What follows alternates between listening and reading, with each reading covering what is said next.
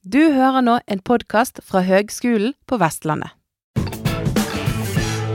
Hei, alle sammen, og velkommen til podkasten 'Bærekraftige bygninger' med meg, Anne Sofie Bjelland ved Høgskolen på Vestlandet.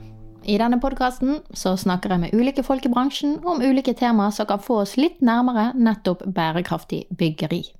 Og for at en bygning skal kunne kalles bærekraftig, så må den også være sunn for oss mennesker. Og en veldig vesentlig faktor for det, det er inneklima. Vi oppholder oss i snitt 90% av livet innendørs, så inneklima det er utrolig viktig for helsen vår. Hvordan står det egentlig til med norsk inneklima? Jeg har hatt meg en prat med seniorforsker ved Sintef Community, Sverre Holøs. Sånn, Sverre. Hei. Hei. Takk for at du tar deg tid til å prate med meg. Alltid hyggelig å prate om minneklima for de som er interessert. vet du. Ja, så bra, så bra. Kan ikke du begynne med å fortelle om bakgrunnen din og så rollen du har der du er i dag? Jo, det kan jeg gjøre. Jeg har jo som en av ganske få på, i Sintef Community en biologibakgrunn. Jeg eh, hadde hovedfaget mitt med å krabbe rundt under eh, rakletrær om våren og finne ut av populasjonsøkologien til eh, små raklebeger.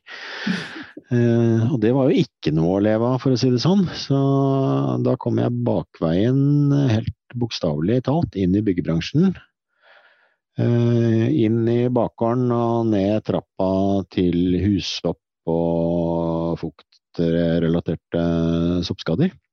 Mm. Og så har jeg på en måte bevega meg litt opp i etasjene via muggsopp, inneklima og mer over på veldig mange andre ting som påvirker luftkvalitet og inneklima.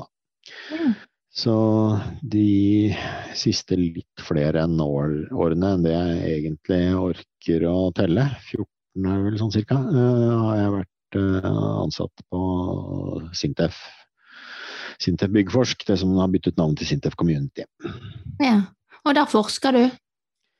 Ja, det står nå i hvert fall seniorforsker på visittkortet mitt, eh, og jeg gjør jo det. Eh, men vi gjør jo mye annet også. Eh, vi driver med ganske mye formidling via Byggforsk-serien, via kurs. Vi driver med produktgodkjenning og sertifisering som jeg ikke er så veldig masse borti. Mm. Eh, vi driver med en del forskningsbasert rådgivning uh, ute på prosjekter og ser hva som går riktig og hva som ikke går fullt så riktig. Og så er det mm. forskningen. Ja. Og det er veldig anvendt forskning, da, stort sett. Ja, men det er jo kanskje den beste, den beste forskningen òg.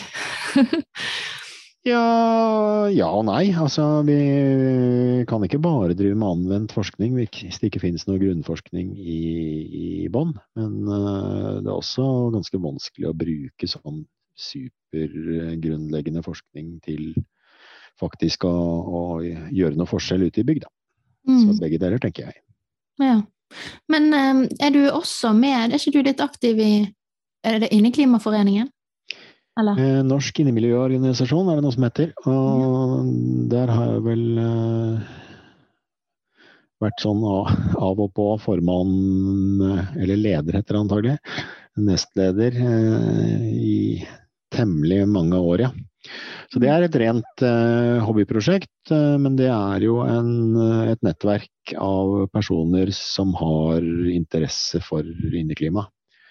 Så der møtes man for fagmøter og fagprat et par ganger i året, stort sett. Ja. Spennende. Men du, da må jeg jo spørre deg. Altså, hva er et godt inneklima? Hva er, det, hva er de viktigste parametrene, da? Godt inneklima er jo der du trives sånn passe godt, da. Uh, det er jo det vi gjør fordi at vi ikke alltid trives ute. Eh, det betyr at vi i Norge så må vi ofte gjøre noe med temperaturen, kanskje først og fremst. da. Og så skal vi skjerme oss litt fra noe støy ute, og fra noe vind og, og regn og sånne ting. Så det er liksom det vi må gjøre. Og så påvirkes en del andre ting. Sånn at man deler jo ofte inn i eh, det som har med luftkvalitet å gjøre, det, det vi puster inn. Mm. Det termiske, det som har med temperaturforholdene å gjøre. Det som har med lys og stråling å gjøre, det som har med støy å gjøre. Og så tar man ofte med også det mekaniske, som vi egentlig ikke jobber så veldig masse med i, når vi i praksis snakker om inneklima. Men der kommer litt sånn sklisikkerhet og ergonomi og sånne ting inn. Ja. Altså hvis man skal ha i hele inneklimaet, inne i miljøet, Eh, så slenger vi gjerne på det estetiske, at det skal se bra ut. Og det psykososiale, at vi skal ha det hyggelig med de som er rundt oss. Ok, Så det er det som skiller inneklima og innemiljø? At da tar ja. du også med disse siste faktorene? Ja, ikke sant. Du kan si at uh, i inneklima så har vi de tingene som i hvert fall i prinsippet kan måles. Og i innemiljøet så tar vi med også det som er som definitivt oppleves, men som ikke så lett kan måles. Ja, ok, så det er litt subjektive, kanskje, eller? Ja, jeg vil jo si det at psykososiale forhold, det, det, det er jo kanskje rimelig å kalle det for subjektivt. Mm, absolutt. Men hvis, kan du gi en liten sånn diagnose på inneklimaet i norske bygninger, da? Hvis vi tar, tar næringsbygg først. Hvordan er ståa både på, på, de som har stått en stund, altså hvilke utfordringer vi har hatt opp gjennom tidene, hvilke feil eller sånne eh, tendensproblemer har vi hatt eh, opp igjennom som eh, vi kanskje har funnet løsninger på, osv. Ja. Eh, det er klart at luftkvalitet der, eh, der, har man jo ganske lenge erkjent at man må bytte ut lufta en gang imellom for at den skal klare å opprettholde en god kvalitet. Og det kan være lett, og det kan være ikke fullt så lett. Eh, etter hvert så har man innmari gode mekaniske systemer for å løse det der. der. Men i en del eldre bygninger så, så er kanskje ikke det helt, helt på plass, da det har vært litt krevende. Eh, det, er forholdsvis lett å løse det hvis du har smale bygningskropper hvor det går an å åpne et vindu, men det er faktisk ikke alltid at det passer så innmari godt i et litt dypt rom. Hvis noen skal sitte i midten av det bygget, så er ikke det noen løsning. Så da må man ha noen mekaniske løsninger for å få, for, for å få bytta ut lufta i fornuftig eh, fart. Og så har vi kanskje etter hvert Eh, dytta en god del eh, varmeproduserende ting inn i bygningene våre. Mm. Eh, ekstra varmelaster, lite energieffektive lite energieffektiv belysning, apparater. Sånn at vi har i perioder fått ganske mye varme. Mm. Og så begynner man å kjøle ned da, for å løse det, og så skal det passe. Og så har man kanskje et kjøleanlegg som betjener hele bygningen. Uh, og hvis du da har en nordside og en sørside, og folk med litt forskjellige ønskemål, så vil det jo veldig ofte, det være, veldig ofte være at det er noen som er misfornøyd. Noen syns det er for varmt, og, og, har det for varmt, og andre har det for kaldt og, og klager på det.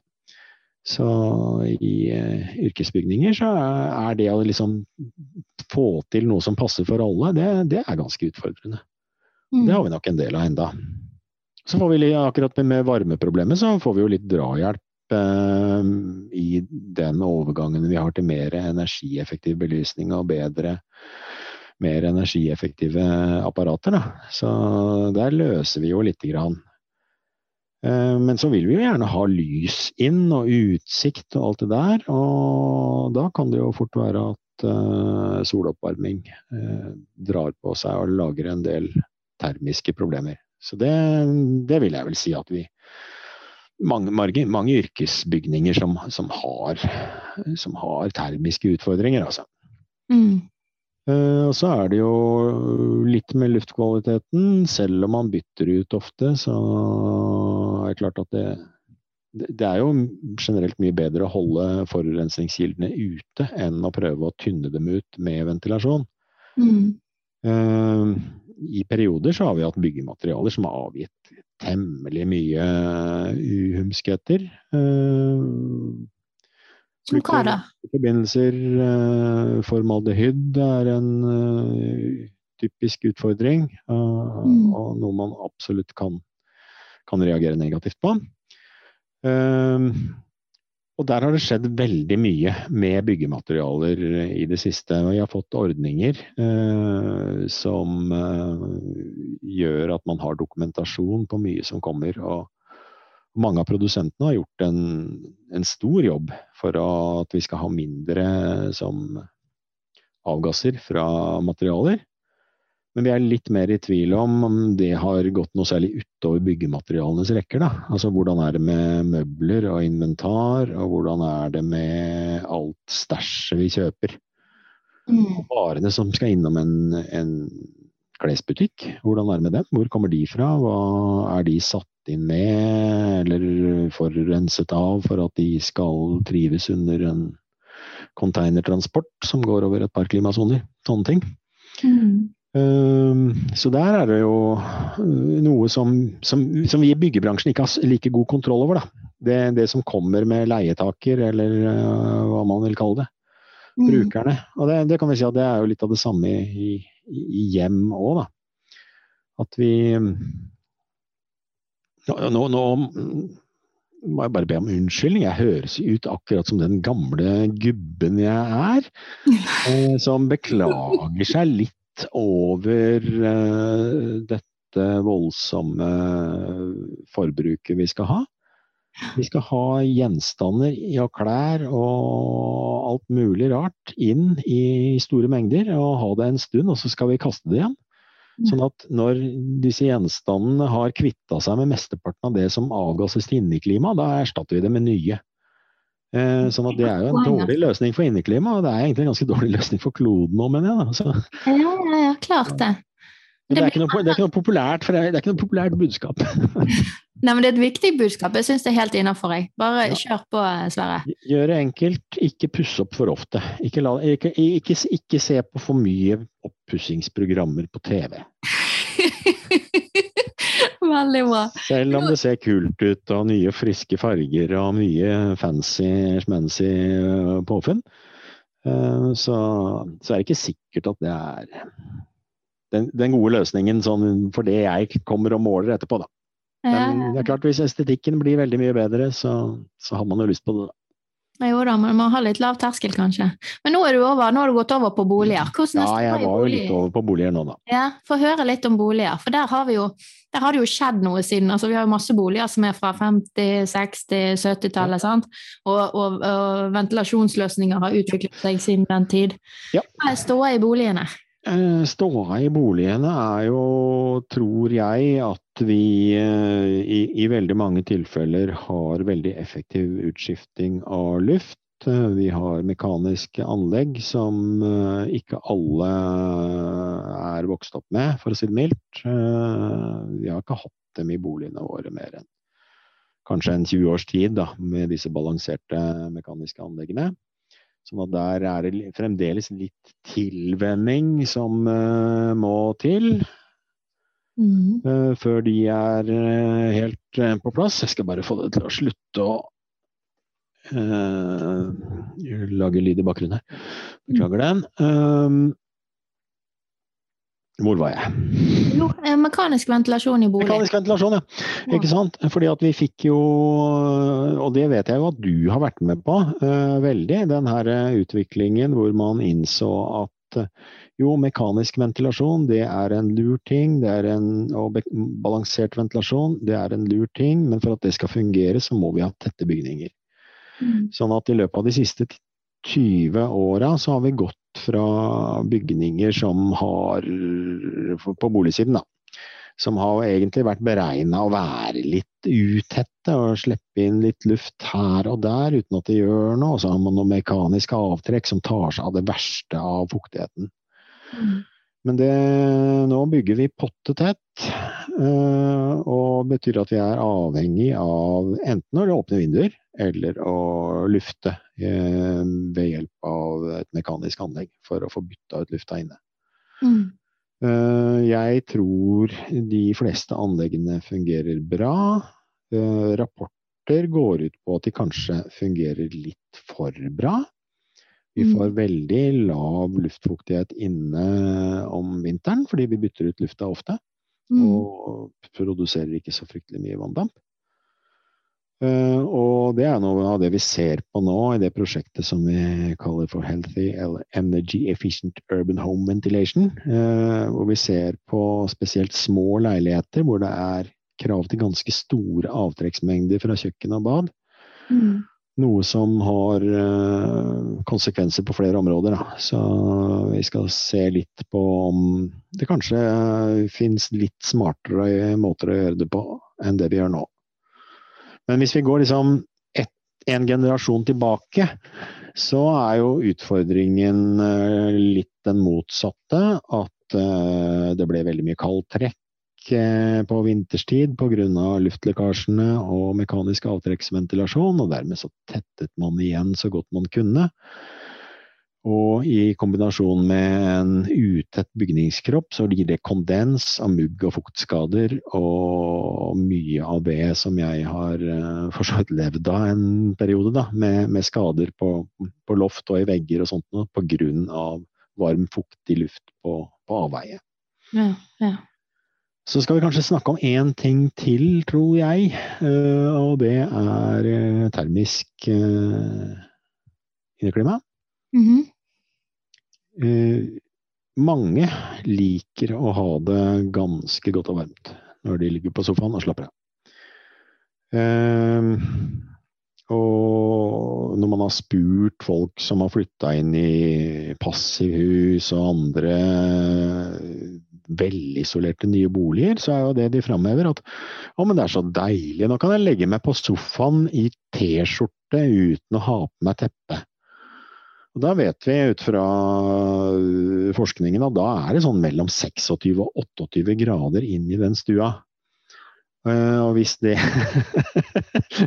Jo, men altså det er jo det hvis du er, hvis du er komfortabel med Hvis du er komfortabel med, med å gå nesten naken uh, i helt passiv tilstand, da, da, da, snakker vi om ganske høye temperaturer. Ja. Uh, og det gjør jo at vi snakker om et fryktelig tørt klima hvis vi drar inn luft utenfra. Og vi snakker om ganske lite sånn det er lite som setter fart i det. Mm. Så hvor sunt det er egentlig, om det er det optimale i lengden å ligge og dra seg 26 grader på sofaen, det, det kan man kanskje også sette litt spørsmålstegn ved. Og nå, nå, hørte jeg, nå, nå, hørte jeg, at den sure gamle gubben var bare på, på tur innom her igjen. En teknisk, en annen teknisk utfordring det er jo at mange liker å ha det godt og varmt på bad og i stue, men ikke på soverom. Mm. Og når soverommet er godt isolert og får tilført luft fra det samme ventilasjonsanlegget med veldig effektiv varmegjenvinning, så er det vanskelig å få det så kjølig som vi ønsker uten, å, uten vinduslufting. Mm. Og man kan jo gjerne lufte med vinduet. Det går ut en del energi der, men det, det, er jo greit nok. Men en del har jo ganske dårlig kvalitet både på lydmiljøet og luftas sammensetning utafor det soveromsvinduet, da. Mm. Så, så, der trenger vi nok å se litt på om alle gode løsninger er på plass. Ja. Men kan jeg spørre litt, for det, eh, sånn som dette, nå, nå, var du litt inne på det, men luftmengder. Ja. Der snakkes det veldig mye om at luftmengder i disse her balanserte ventilasjonsløsningene, både for yrkesbygg eller næringsbygg og for bolig for så vidt, at de er egentlig altfor høye, de kravene. Eh, og så er det òg en sånn, sånn eh, Jeg har jo vokst opp i Tech 10, Tech 17-skolen, der balansert ventilasjon er the holy grail. Men, Mm. men, eh, men det er jo veldig mange stemmer som fremsnakker naturlig ventilasjon. Ja. Hva, kan du si noe om de tingene? Ja, jeg kan si noe om det. Jeg er ikke sikker på om noen har lyst til å Noen kommer til å like det jeg sier. Nei, men for, for, meg så er det litt to, to to-tre forskjellige aspekter i det du spør om der. Det ene er, Du snakker om uh, naturlig ventilasjon uh, versus mekanisk ventilasjon. Mhm. uh, hvis du kan bruke naturlige drivkrefter for å løse noe som du ellers ville brukt energi på å drive en vifte til å løse, så er jo det isolert sett veldig bra. Ja. Da har jeg spart energi, mm. ikke sant? Mhm. Men da må du jo vite at du har noen naturlige drivkrefter som du klarer å temme på en eller annen fornuftig måte, da. Da har vi stort sett trykkforskjell som er drevet av temperaturforskjell mellom ute og inne, og så har vi vind. Mm. Og begge de der varierer jo ganske kolossalt mye gjennom året. eh, Fra dag til dag i vårt eh, ganske langstrakte og klimatisk sammensatte land. Så der må du, da må du ha ganske gode løsninger. Så naturlig ventilasjon er ikke en enkel løsning på å få til luftskifte. Og så har du et aspekt som heter brukerstyring. Mm. Og uh, for mange av oss så er jo naturlig ventilasjon i en bolig, det er jo å åpne vindu. Mm. Det er jo noe som er veldig brukerstyrt. Mm. Og sånn sett, uh, og det er flott. Brukerstyring er veldig bra. Altså alt tyder på at hvis du har styringa sjøl, så, så blir du mer fornøyd. Nesten uansett hva vi klarer å måle av luftkvalitet eller ikke luftkvalitet, så, er, så, så, oppleves det som bra. Vi liker, å, vi liker å ha kontrollen og ikke bli styrt, og det skal vi bare så, prøve å tilfredsstille det behovet der i så mange sammenhenger som mulig. Mm. Eh, og det tredje er jo luftmengdene. Ikke sant? Eh, ja, kanskje vi i, i noen tilfeller har for høye luftmengder. Jeg tror ikke det først og fremst kommer av at vi har satt så kolossalt mye luft per person. Jeg tror at det ofte altså I hvert fall i en del tilfeller så har vi bygninger hvor vi bruker ventilasjonsanlegget vårt til kjøling. Så har vi dimensjonert luftmengdene for at du skal kunne klare å kjøle ned bygningen din med, med luft fra en sentral eh, kjøleenhet i ventilasjonsanlegget eh, på en eh, varm sommerdag. Og det er klart, Hvis du kjører de luftmengdene hele året, så får du fryktelig mye utbytting av luft. Og, det, og det er antagelig ikke noe spesielt poeng i det hele tatt å bytte så mye luft. Da. Men eh, om det kommer an på om det er naturlig eller balansert, det, det er jeg ikke så sikker på. Okay. Og så er det ja, Du har trukket meg opp nå, skjønner du, så det må Ja, ikke, må ikke regne med å komme til orde her.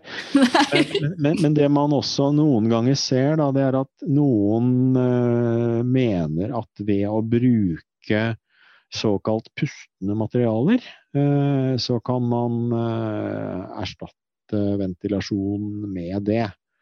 Og da, da har jeg litt vanskelig for å henge med i, på det resonnementet. Det er klart det finnes noen materialer som kan ta opp en del fuktighet. Treverk, murverk og sånne ting kan ta opp en del fuktighet, men, men det blir ikke borte. Og det diffunderes stort sett ikke ut gjennom uh, verken uh, en murvegg eller en, en uh, trevegg i uh, tilstrekkelig hastighet, og det har noe som helst å si. Så for Mm. at vi skal få bort stoffene og fuktigheten fra, fra innelufta, så må vi stort sett flytte, bytte ut lufta, og ikke satse på å dytte det gjennom uh, tak og vegger og gulv. Altså. Ja. Så, så den, eh, den derre litt lettvinte resonnementet at bare vi bruker eh, massivtre og teglstein, eh, så kan vi egentlig la være å ventilere, den, det, det forstår jeg ikke. Men hva vil du si er vår største utfordring med tanke på inneklima nå for tiden, da? Er det noe som liksom eh, utskiller seg som det store problemet nå for tiden?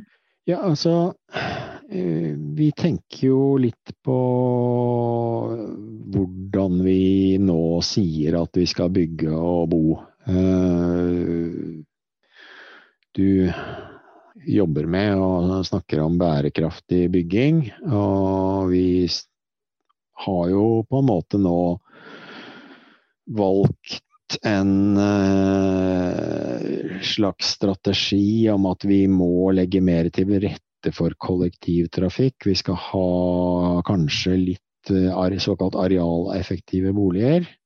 Vi bygger høyt og tett og relativt smått rundt kollektivknutepunktene. Mm. Og det tenker jeg at det kan gi oss noen utfordringer. Eh, det blir da flere mennesker relativt sett som bor i leiligheter i by. Mm. Eh, hvordan blir luftkvaliteten der? Hvordan blir utsiktsforholdene? Hvordan blir lysforholdene?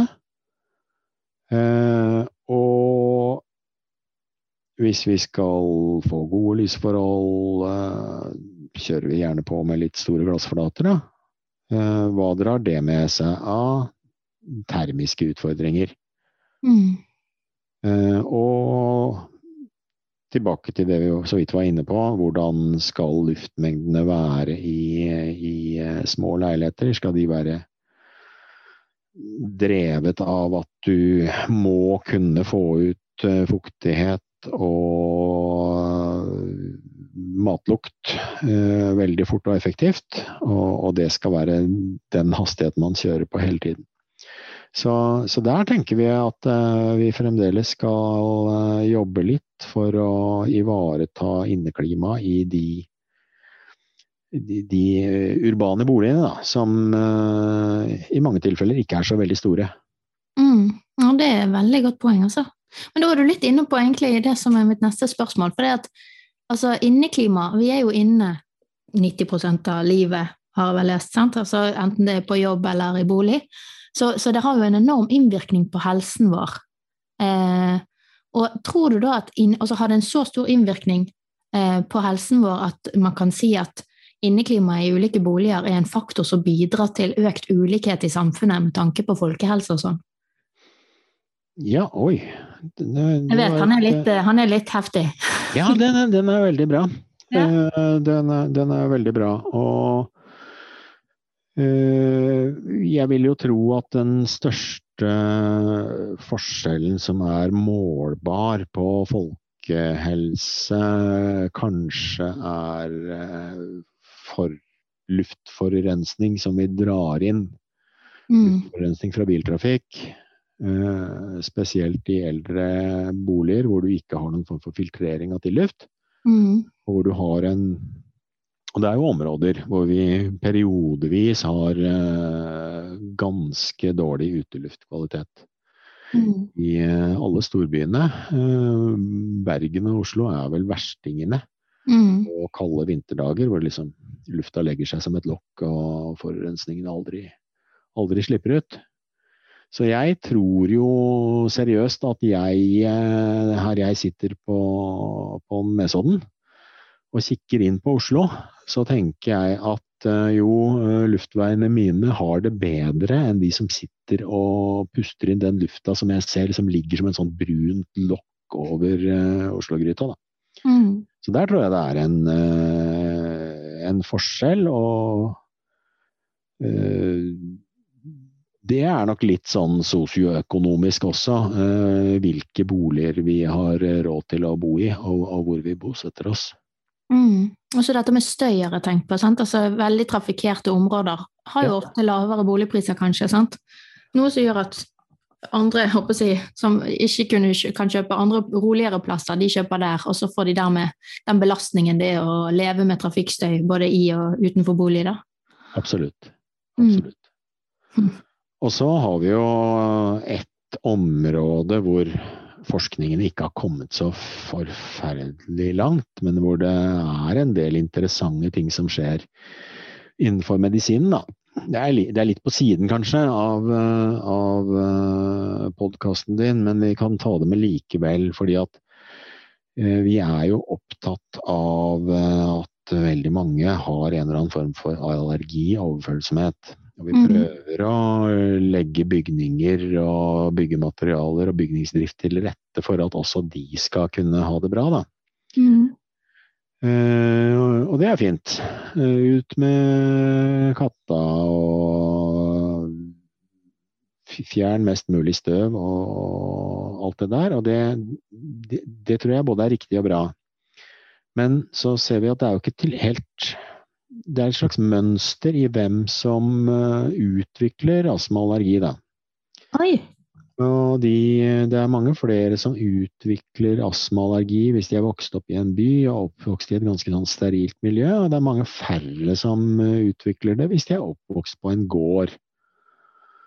Ja. Og blir utsatt for en, et rikt En rik flora av, av mikroorganismer.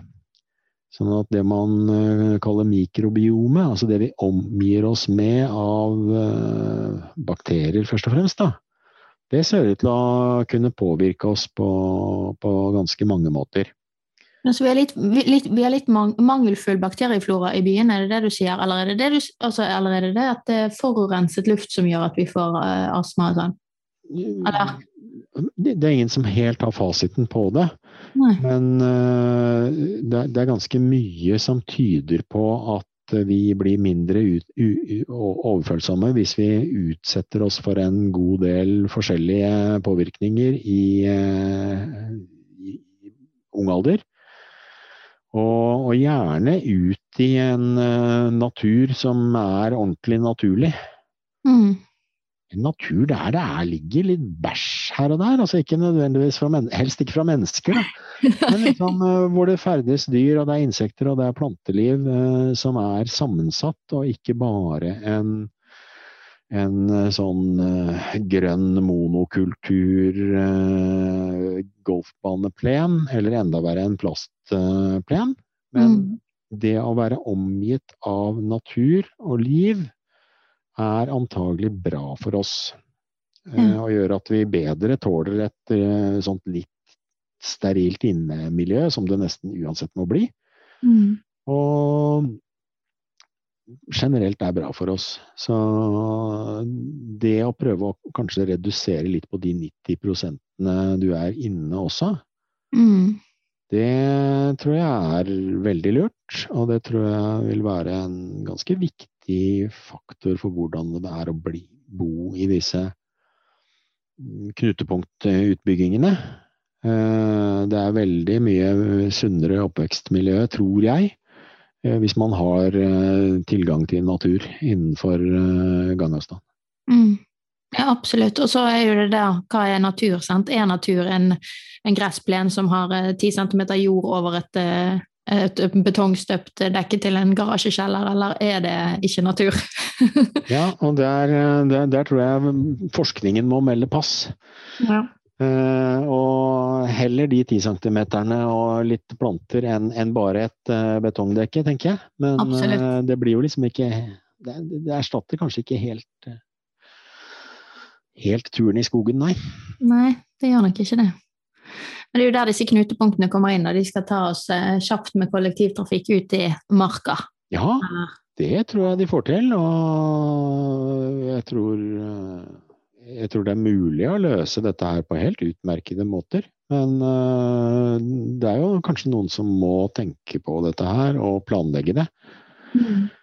Så om det, er, eh, om det er en sak som automatisk liksom løses av markedet eller ikke, det kan jo være et litt mer politisk spørsmål enn det en forsker skal mene så mye om, kanskje. Men du Sverre, har du helt på tampen noen gode råd til de som skal ut og bidra i morgendagens byggebransje? Prøv å bygge bygninger som tåler å stå ute. fantastisk godt råd. ah, veldig bra. Ja. Jeg syns den, den, var kort og konsis og helt ypperlig. Og så er det et råd som folk ofte trenger å høre òg. Fortsatt. Fortsatt, kanskje. Ja, Veldig bra. Du, tusen takk for praten, Sverre. Veldig hyggelig, Anne Sofie. Ha det godt.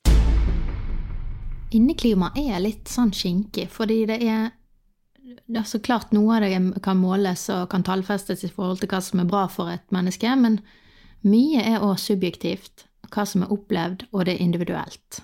Kanskje til og med avhengig av dagsform, om man føler det kaldt eller varmt osv. En annen ting er det at det er så utrolig brukeravhengig. Sånn som Sverre sier òg, hva vi putter inn i, i boligene våre, eksempel. Atferden vår Eh, jeg husker sjøl fra, fra, skolen, alle hadde våte regnjakker hengende på stolene sine. Det er klart det gjør noe med inneklimaet. Og det er også noe som påvirkes veldig av hvilken kunnskap den enkelte beboer, f.eks. i boliger, da, har til nettopp inneklima, og hvilken bevissthet den enkelte har til det. Og vi kan gå inn i et veldig altså tett inneklima, eller et inneklima med eh, høye CO2-verdier, og så dårlig luft, eksempel, og så kan man kjenne det umiddelbart når man går inn, men det er utrolig hva vi som mennesker tilpasser oss til ganske fort, og kan være i, og så blir vi jo kanskje litt sløvere av det, og det er ikke heldig for oss og sånn, men vi, vi, eh, vi er blitt vant til det. Så eh, det er noe å gjerne ha litt fokus på, være litt bevisst, og også påvirke i den grad man, eh, man kan det i, i sine omgivelser. Ha det godt! Du har nå hørt en podkast fra Høgskolen på Vestlandet. Du kan høre flere podkaster fra oss ved å gå inn på nettsiden hvl.no. slash podkast. Du har nå hørt en podkast fra Høgskolen på Vestlandet. For å høre flere podkaster, besøk hvl.no slash podkast.